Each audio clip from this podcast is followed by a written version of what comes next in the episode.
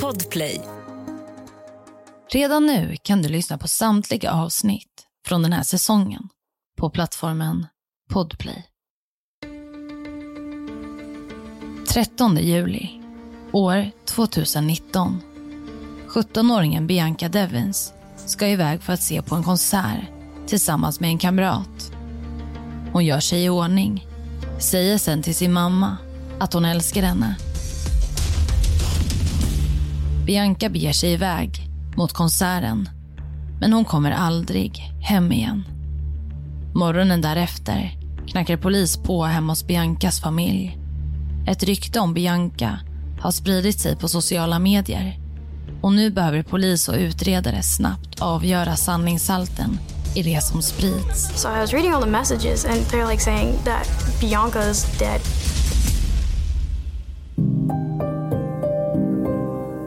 Du lyssnar på Jakten på mördaren med mig, Saga Springhorn. Jag vill varna för grovt innehåll i dagens podcastavsnitt.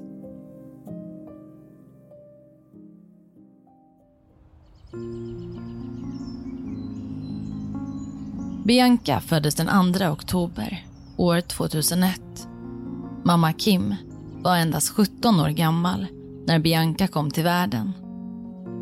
Några år senare får mamma Kim ytterligare en dotter, Olivia. Men miljön runt Olivia och Bianca var inte på topp. Biancas pappa var manipulativ och kontrollerande. Han blev emellanåt våldsam.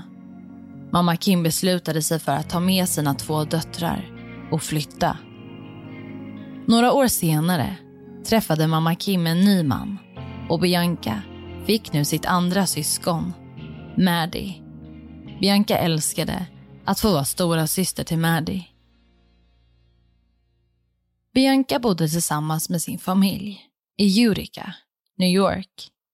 Familjen var sammansvetsad och alla verkade må bra. Men riktigt så var det inte. På insidan kämpade Bianca med psykisk ohälsa.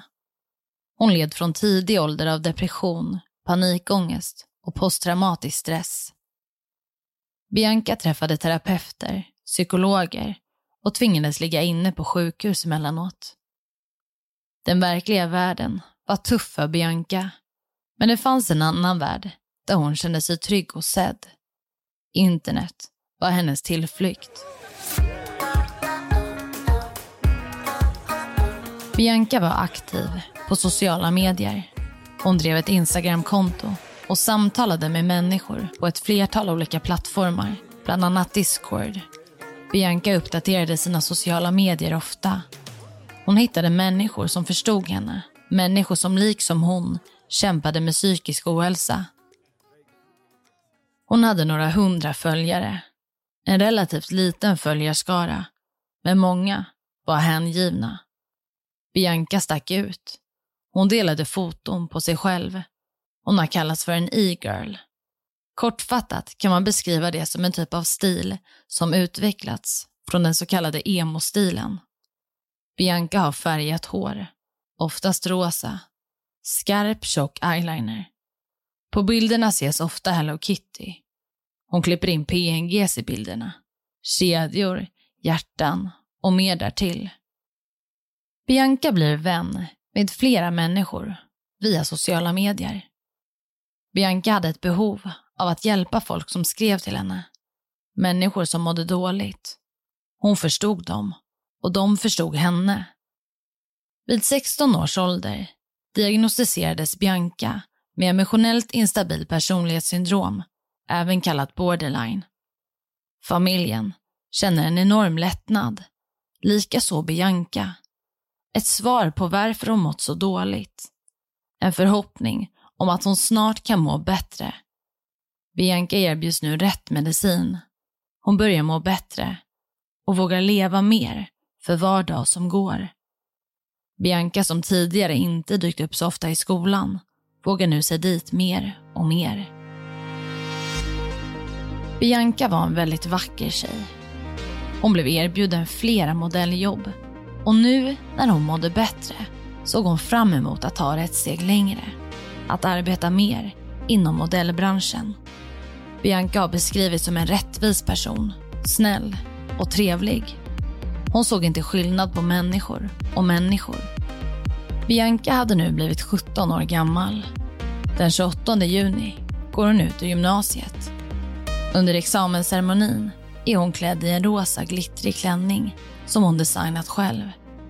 Helgen därpå anordnade Bianca och hennes familj en examensfest. De är så lyckliga för att Bianca klarat av gymnasiet. Hon som hade kämpat så hårt.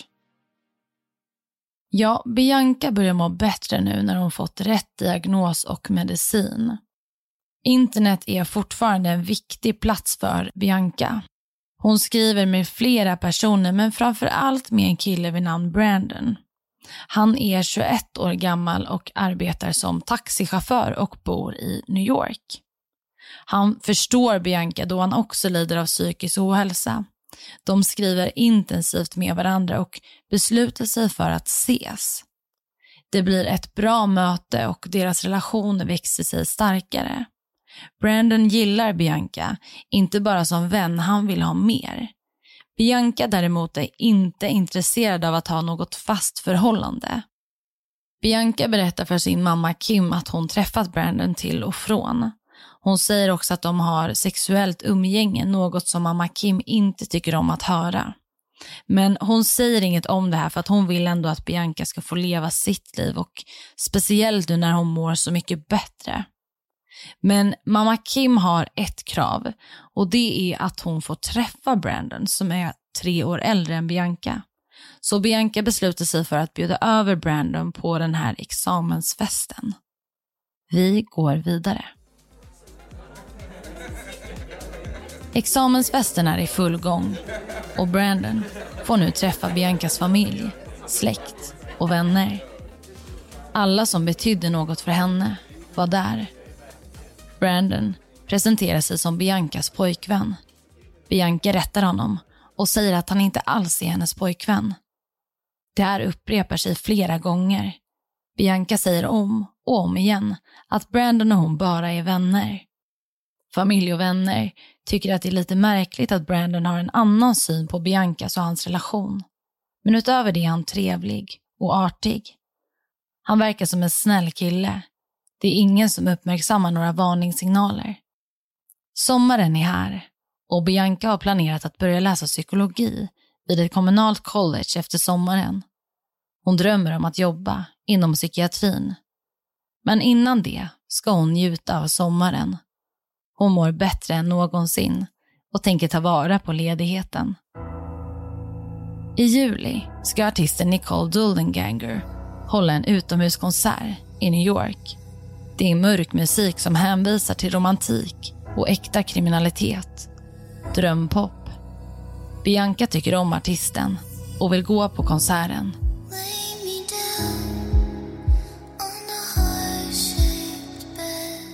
Brandon är inte lika förtjust i Nicole.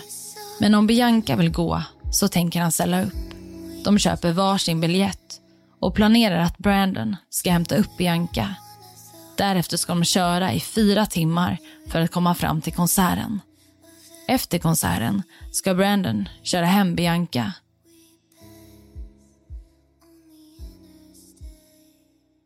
Brandon hämtar upp Bianca och de åker långa fyra timmar mot konserten. Ett poddtips från Podplay. I fallen jag aldrig glömmer djupdyker Hasse Aro i arbetet bakom några av Sveriges mest uppseendeväckande brottsutredningar. Går vi in med hemlig telefonavlyssning och, och då upplever vi att vi får en total förändring av hans beteende. Vad är det som händer nu? Vem är det som läcker? Och så säger han att jag är kriminell, jag har varit kriminell i hela mitt liv men att mörda ett barn, där går min gräns. Nya säsongen av Fallen jag aldrig glömmer på Podplay.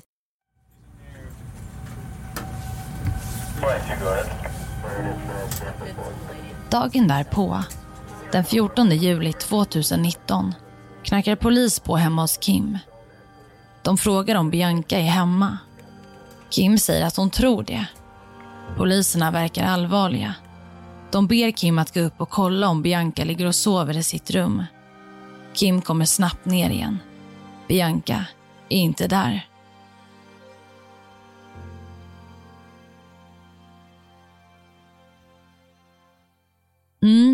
Nu kanske ni funderar på varför polisen dyker upp i Biancas hem tidigt på morgonen den 14 juli. Och jag vill nu varna för mycket starkt innehåll. Polisen har fått in flera samtal från människor som berättar att en bild på en ung tjej sprider sig via sociala medier. Det rör sig om en fruktansvärd bild där en ung blodig tjej har en nästan helt uppskuren hals och bredvid henne så ligger det en blodig kniv. Det är alltså en avliden tjej på bilden som nu sprider sig via sociala medier. En av personerna som ringer till polisen berättar att tjejen på bilden är Bianca Devins. Den här personen känner till Bianca sedan tidigare och har känt igen henne på bilden. Därav har polisen nu åkt till Biancas familjehem för att kolla läget. Det som är prio är att avgöra sanningshalten i den här bilden. Man måste snabbt avgöra om det är en photoshoppad bild där någon försöker spela polisen ett spratt eller om det faktiskt stämmer det som bilden visar. Polisen får snart in ytterligare ett samtal och det samtalet kommer från självaste Brandon. Uh, my name is Brandon. Um, the victim is Bianca Michelle Devins. Han säger att offret på bilden är Bianca. Han säger också att han inte kommer att stanna länge i telefon då han ska ta livet av sig. Men på larmcentralen förstår man att polis vill spåra platsen. Det här är allvar. Man försöker därför få Brandon att stanna kvar i luren. En kort stund därpå säger Brandon att han befinner sig vid en återvändsgränd nära Biancas hem. Samtalet avslutas. Vi går vidare. Biancas mamma Kim känner ännu inte till bilden och hennes dotter som sprids via sociala medier. I och med att Bianca inte är hemma som Kim trott och att ingen kan få tag på henne så börjar polis ana att något allvarligt faktiskt hänt. Polis försöker spåra samtalet från Brandon. Man vill veta vart han befinner sig. Man vet att det rör sig om en återvändsgränd nära Biancas hem. Men man behöver mer än så. Polisen arbetar parallellt. Några utredare är hemma hos Kim. Andra försöker analysera bilden som sprids på sociala medier. Och det visar sig snart att det finns fler bilder. Och bilderna kommer från Brandons sociala medier. Brandon har på sin Insta-story lagt upp en bild från motorvägen. Över bilden har han skrivit citat. Här kommer helvetet. Det är upprättelse. Visst? Slutcitat. På Brandons Snapchat-konto kan man se ytterligare bilder som han lagt upp. En bild på Brandons blodiga hand. I bakgrunden kan man se ett par Vans, en mobiltelefon och en svart handväska tillhörandes Bianca. Över bilden har han skrivit citat. Jag är ledsen Bianca. Slutcitat. Utöver det, en bild på en stor grön pressändning som ligger över något som skulle kunna vara en kropp. Men det tar inte slut där. Det finns ytterligare en bild. Det är en bild på Brandon hållandes i en kniv. Över bilden står det citat. Tack till alla som var snälla mot mig. Jag kommer sakna er. Slutcitat. Polis och utredare förstår att det är allvar. Det är fullt fokus på att spåra samtalet och snart lyckas man. Brandon har ringt till polisen vid en plats väldigt nära Biancas hem. Endast tio minuter därifrån. Polisen skyndar sig dit. Brandon hade parkerat sin bil vid en återvändsgränd vid ett skogsområde. Polisen ser snart att Brandon är vid liv. Man visste inte vad man skulle förvänta sig då Brandon sagt att han skulle ta livet av sig. Polis ropar att Brandon ska släppa kniven som han håller i handen. Men det gör han inte. Istället hugger han sig själv i halsen. Han lägger sig över den gröna pressändningen, tar en bild på sig själv och skriver aska till aska innan han postar bilden. Slutligen lyckas polisen stoppa Brandons utspel. Han förs i ambulans till sjukhus. Kniven hade träffat ytligt. Alltså rörde det sig inte om några livshotande skador. Sjukhuspersonal syr ihop Brandons sår i halsen.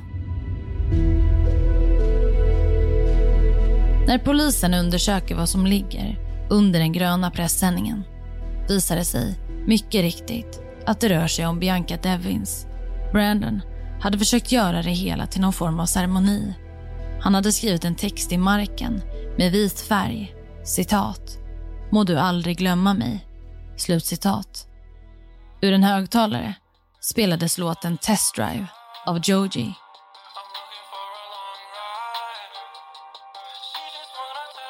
En låt som använder bilkörning som en metafor för att beskriva ett misslyckat förhållande. Huvudpersonen vill ha ett långsiktigt förhållande medan kvinnan i relationen bara vill testdrive.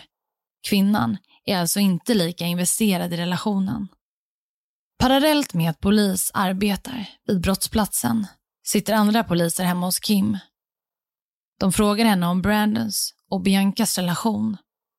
Kim berättar att Brandon eventuellt haft en annan syn än Bianca. Men Bianca hade varit tydlig med att hon inte ville ha en fast relation. Hon såg fram emot ett fritt liv på college. Hon ville inte binda upp sig. Snart hörs ett skrik från köket. Det är Biancas yngre syster Olivia och hennes kompis som skriker. Någon hade smsat Olivia bilden på sin avlidna syster.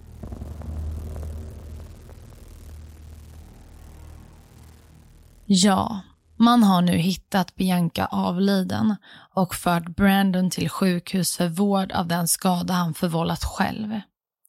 Och motivet då? Utredarna tycker att det blir mer och mer tydligt desto mer information som ligger på bordet. Biancas mamma berättar att Bianca och Brandon haft olika syn på deras relation. Hon berättar också om examensfesten där Brandon sagt att han varit Biancas pojkvän och att Bianca om och om igen fått rätta Brandon. När man undersöker Biancas mobil framkommer en ny information. Bianca har chattat med en kille vid namn Alex. Alex hade fått information om att Bianca skulle infinna sig på konserten i New York. Därför hade han köpt en biljett och mött upp henne och Brandon. Enligt Biancas vänner hade hon uttryckt att hon tyckte om Alex på ett djupare plan. Och Det framkommer också att Alex och Bianca kysst varandra under konserten. Bianca hade under bilresan hem skickat ett chattmeddelande till Alex där hon skrev citat. Jag tror att han såg oss kyssas. Slutcitat. Vi går vidare.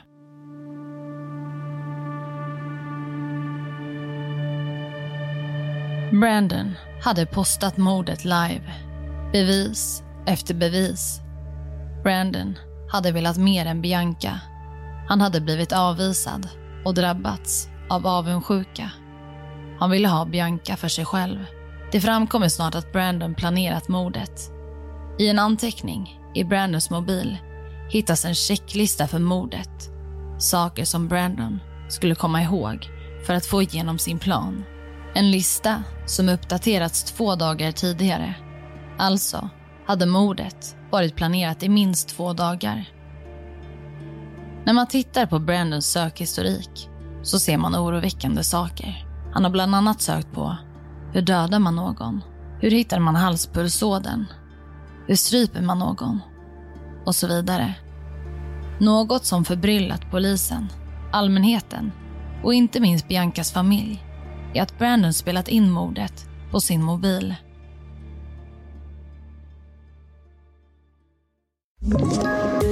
Poddtips från Podplay. I podden Något Kaiko garanterar östgötarna Brutti och jag, Davva, dig en stor dos skratt. Där följer jag pladask för köttätandet igen. Man är lite som en jävla vampyr. Man har fått lite blodsmak och då måste man ha mer. Udda spaningar, fängslande anekdoter och en och annan arg rant.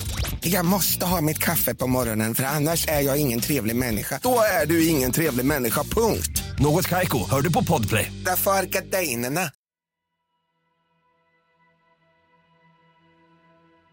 Bianca ligger och sover med stolen vikt bakåt.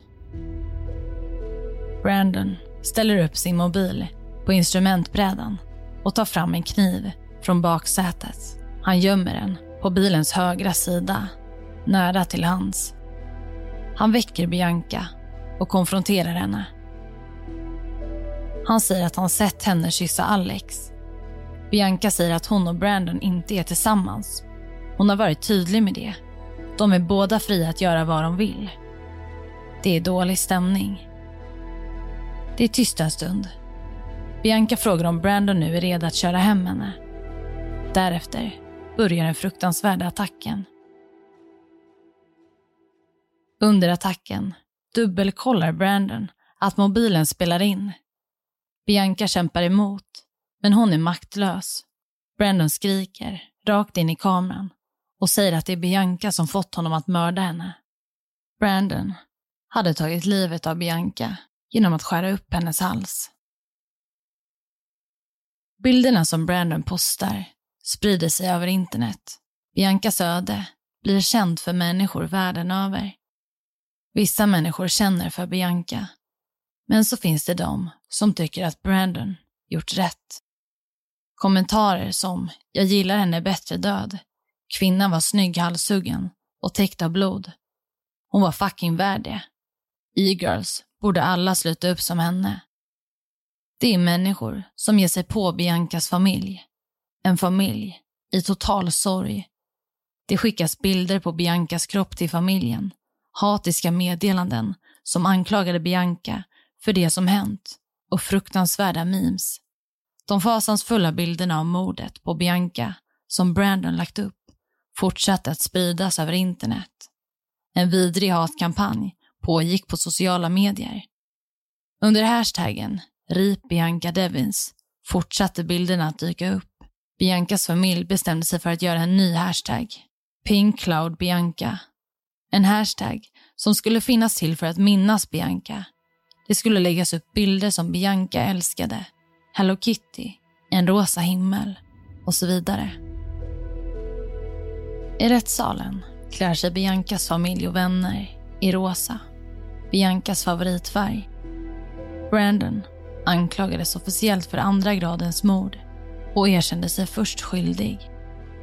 Bara fem månader efter att han erkänt sig skyldig till att ha mördat Bianca Devins var Brandon tillbaka i rätten för att försöka ändra sitt erkännande till oskyldig.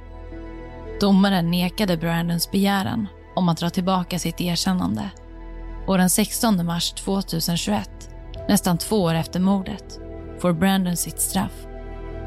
Innan domaren läste sin dom gav Brandon ett sista uttalande.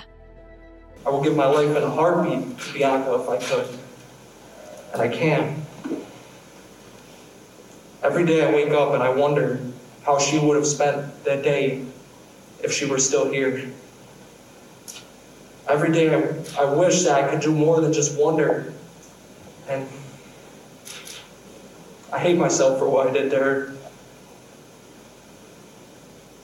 I don't know why. I don't understand how I could do something like that. I don't even know who I was that day, and it just it disgusts me. I remember when I first met Bianca, how much I adored her and how much I just wanted to spend time with her, and for that adoration to turn into something so evil. Han säger bland annat, citat. Jag hatar mig själv för det jag gjort. Jag är så ledsen att jag utsätter alla för detta. Jag är så ledsen att jag utsätter Bianca för det här. Jag, jag önskar att jag kunde be henne om ursäkt och att bara be om ursäkt och be om ursäkt och ta tillbaka det. Slutcitat.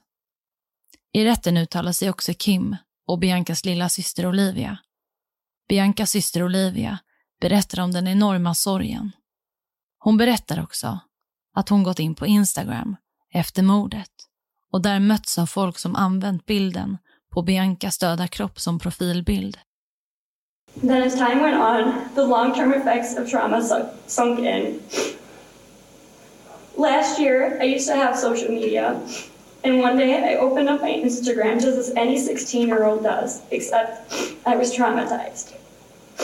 Many random people set their profile pictures as my sister's death photo and went on my page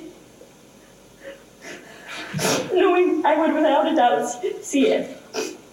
I threw my phone down and froze. When I could finally move, I told my family member Kaylee what I had just seen, and she, every single day, had to go on all my accounts to make sure I would never see it again. It did not stop at one.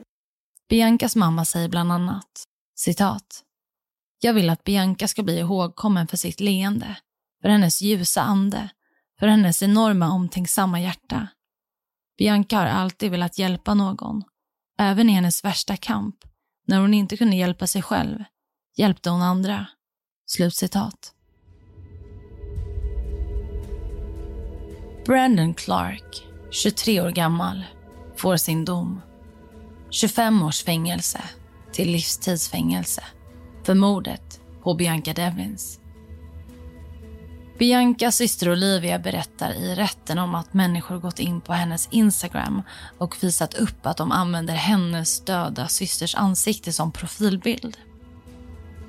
Familjen har också fått foton på Biancas avlidna kropp hemskickade till sig och även skickade till sig via internet. Och det här är det många experter som diskuterat. Man tror att de människor som utsätter familjen för det här är män online som kallar sig för incels. Incels, enligt deras egen definition, är män 21 år eller äldre som har gått sex månader eller längre utan någon form av sexuell aktivitet. Inte då av sin egen vilja, alltså ofrivilligt celibat. Och man tror att det är just den här typen av forum som sprider vidare Biancas foton och man tror också att det är de människorna som utsätter Biancas familj. I år antog delstatsförsamlingen och senaten i New York en lag som kriminaliserar delning av personliga bilder av brottsoffer. Lagen väntar på New Yorks guvernörs underskrift. Och det var allt för dagens avsnitt. Vill du komma i kontakt med mig så kan du skriva till mig på Instagram där jag heter Saga Springkorn eller mejla till jaktenpamordaren@springkorn.se. Tack för att du har lyssnat. I nästa avsnitt av Jakten på mördaren kommer du kunna lyssna till följande fall. Ryan och Shana hade en omväxlande kärleksrelation under flera månaders tid. Under kvällen den 12 oktober 2012 skedde något fruktansvärt i Ryans bostad. Grannar hörde oljud och tumult från lägenheten och snart efter kom ett samtal till larmcentralen. Polisen upptäckte en död person i bostaden och det var uppenbart att något allvarligt hänt. Om du inte orkar vänta och vill lyssna på avsnittet redan nu så kan du göra det helt gratis i appen Podplay eller på podplay.se. Podplay, en del av Power Media. Poddtips från Podplay. I podden Något Kaiko garanterar östgötarna Brutti och jag, Davva, dig en stor dos skratt. Där följer jag pladask för köttätandet igen. Man är lite som en jävla vampyr. Man har fått lite blodsmak och då måste man ha mer. Udda spaningar, fängslande anekdoter och en och annan arg rant. Jag måste ha mitt kaffe på morgonen för annars är jag ingen trevlig människa. Då är du ingen trevlig människa, punkt. Något Kaiko, hör du på Podplay. Därför är gardinerna.